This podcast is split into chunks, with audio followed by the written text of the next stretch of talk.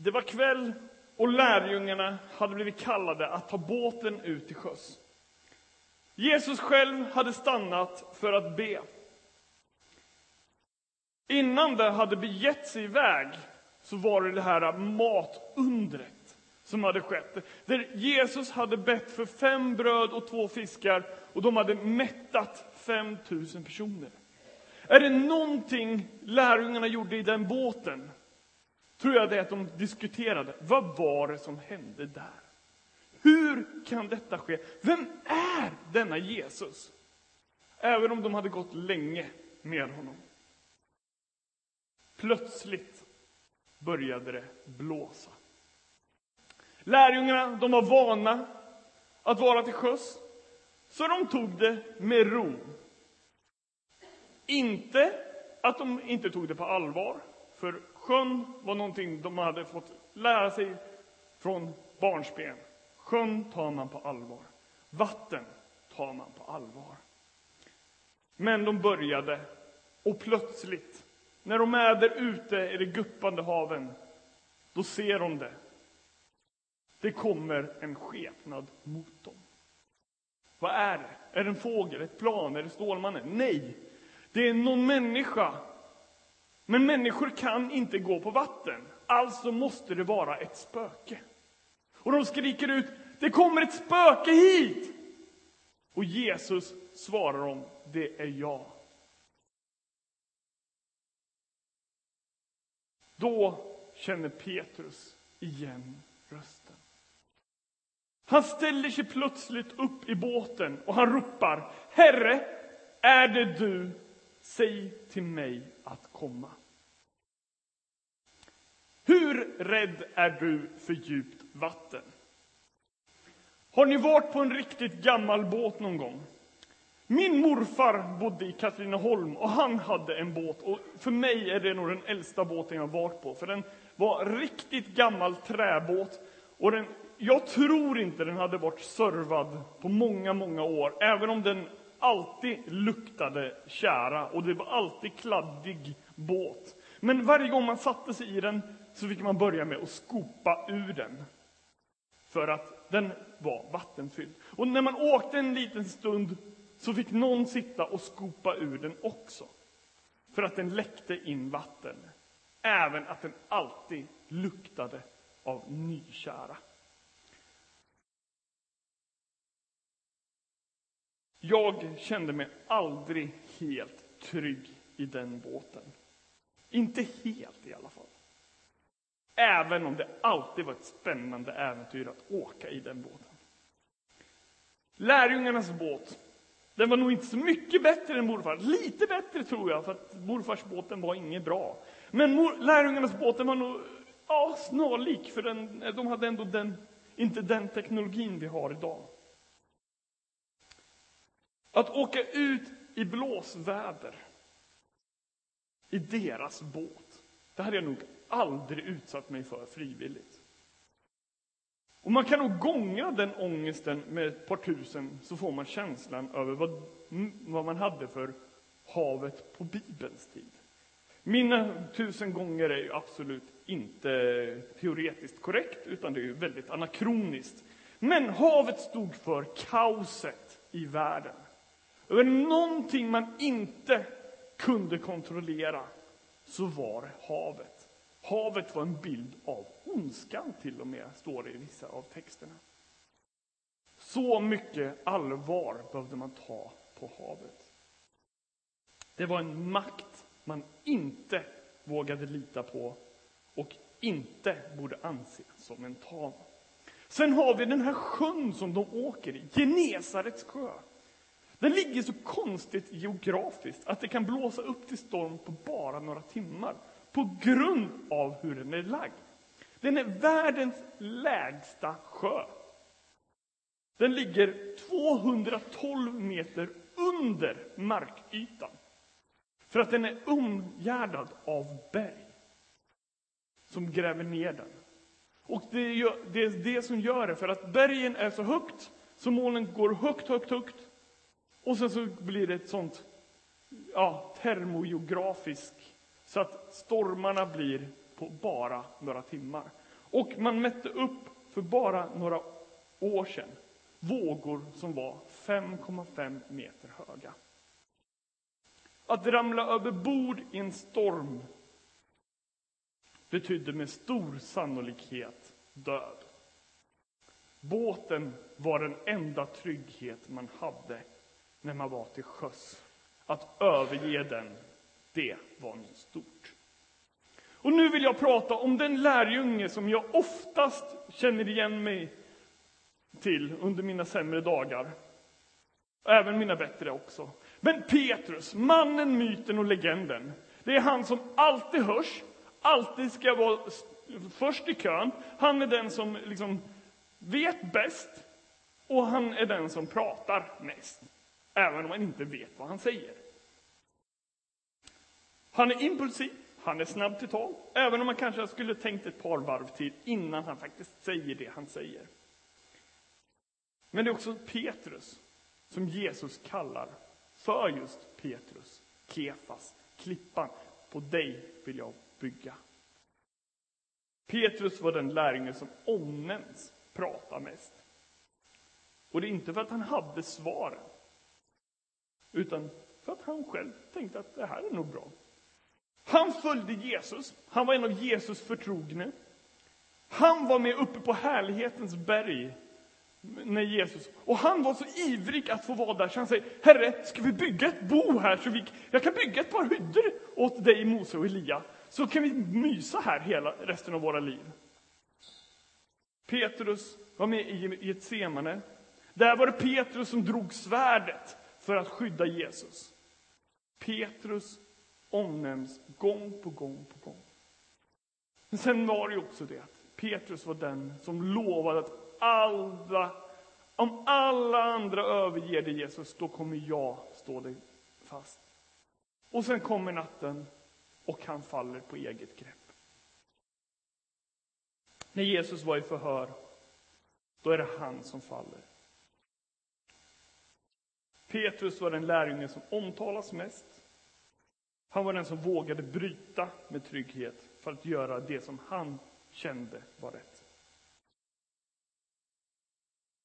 Petrus i båten hör att det är Jesus som är där ute och vandrar. Hans första reaktion är inte hur. Hans första reaktion är inte hur är detta möjligt. Hans första reaktion är är det där Jesus vill jag vara där. Är det där Jesus, då vill jag vara där. Så han säger Jesus, är det du? Låt mig komma dit. Och när Petrus får svaret av Jesus, då gör han det som är en dödsdom. Han går över relingen. Han går ut ur båten. För honom var Jesu kallelse det största. Han valde, valde att stålsätta sig mot de andra lärjungarna. Lukas, eller inte Lukas, eh, Simon, han, Andreas och alla andra. De började ropa liksom ah, Petrus, kom tillbaka! Sitt ner i båten! Vad gör du? Kan inte gå ut? Men Petrus väljer att vända mot sina vänner för att lyssna till Jesus. När han börjar ta de första stegen, ja, då känner han, det funkar ju. Det flöt på. Livet var inte över. Världen hade inte gått under. Han gjorde det som var omänskligt, att gå emot naturen. Han börjar gå, kanske börjar titta sig omkring, glatt vinkar till Andreas. Hade det varit idag hade han tagit en selfie. Och han börjar gå och han slutar fästa blicken på Jesus. Blicken börjar bli mer, det här går ju bra, det här kan jag. Och sen så ser han det. Han ser vågorna. Och han börjar bli rädd.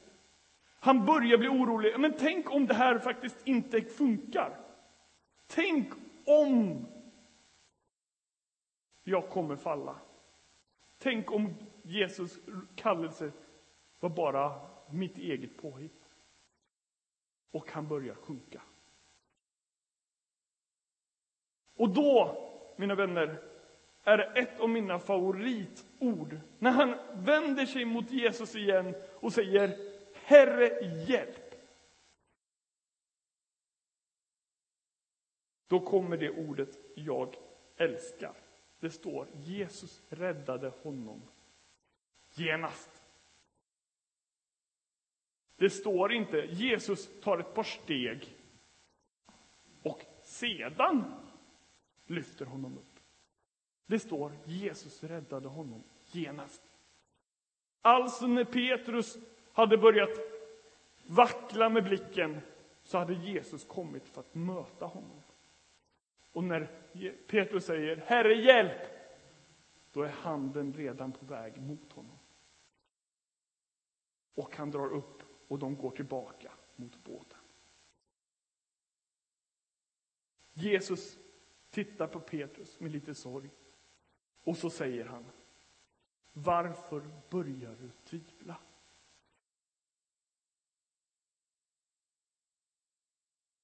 När det kommer in i båten igen så blir han säkert kramad av de andra. De har ju tänkt att han skulle dö. Det är som inte vågat följa med. Sen utropar Petrus till Jesus. Du måste vara Guds son. Du kan inte vara något annat. Lärjungarna, de blev inte petade för att de inte följde med. Men deras återberättelse kan bara vara då hände det här med Petrus. Det kan de inte ta ifrån Petrus. Petrus kan säga, jag lovar, när han sitter där i stan, jag gick på vattnet. Jag har varit på vatten. Lärjungarna, de andra kan säga, jag lovar, Petrus gick på vattnet. Petrus och Jesus var på vattnet. Men det en mening här som får mig att vrida i magen. Och det är att Jesus skäller ut Petrus och säger Hur, varför har du så svag tro? Vad menar Jesus? För det stora med berättelsen, det är ju inte att Jesus går på vattnet. Han är 100% Gud, 100% människa. Att han gör lite vatten till vin, han reser några döda. Jag menar, att gå på vatten, det är ju en bagatell för honom. Han är ändå Gud. Att bryta mot naturens krafter, ja men, that's what he do. Det är det han gör. Petrus, han är 100% människa. Dålig andedräkt på morgonen, fötter som stinker, även om Jesus också hade det. Men Jesus hade all that else. Han hade det andra också. Petrus var bara liksom ja, hangry. Arg för att han var hungrig och hungrig och arg och allt annat som vi hör till mänskligheten. Petrus var ingen Gud. Han var en enkel människa och han klarade av att bryta naturen genom Jesu kraft.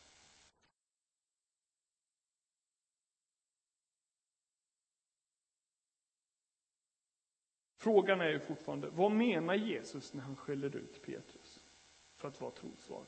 Petrus hade ju ändå följt med honom ut. Han hade vågat lämna tryggheten för att följa Jesus. Han hade lyssnat in Jesu kallelse och gått på den gått på omöjlighetens väg för att närma sig Jesus. Varför får han en utskällning?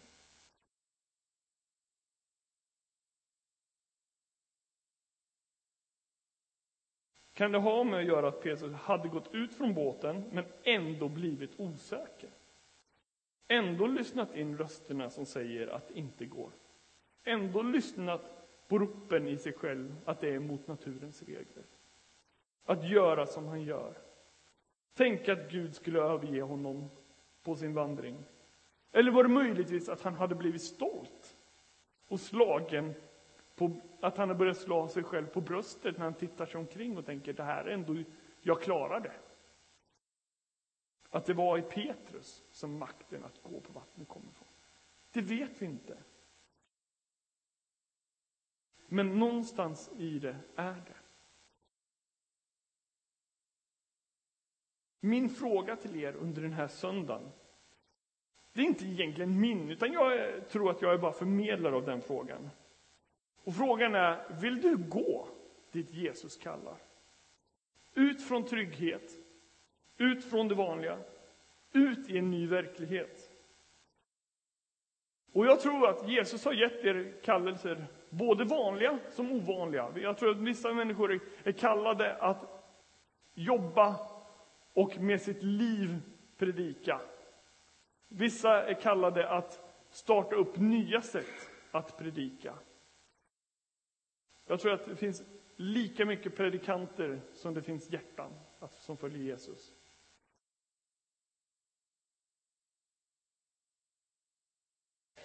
Och för er som har släppt relingen, vart är ni på väg? Har ni blicken kvar på Jesus? Har ni glömt vem som kallade er och vem som kommer ge makten att förändra det heliga?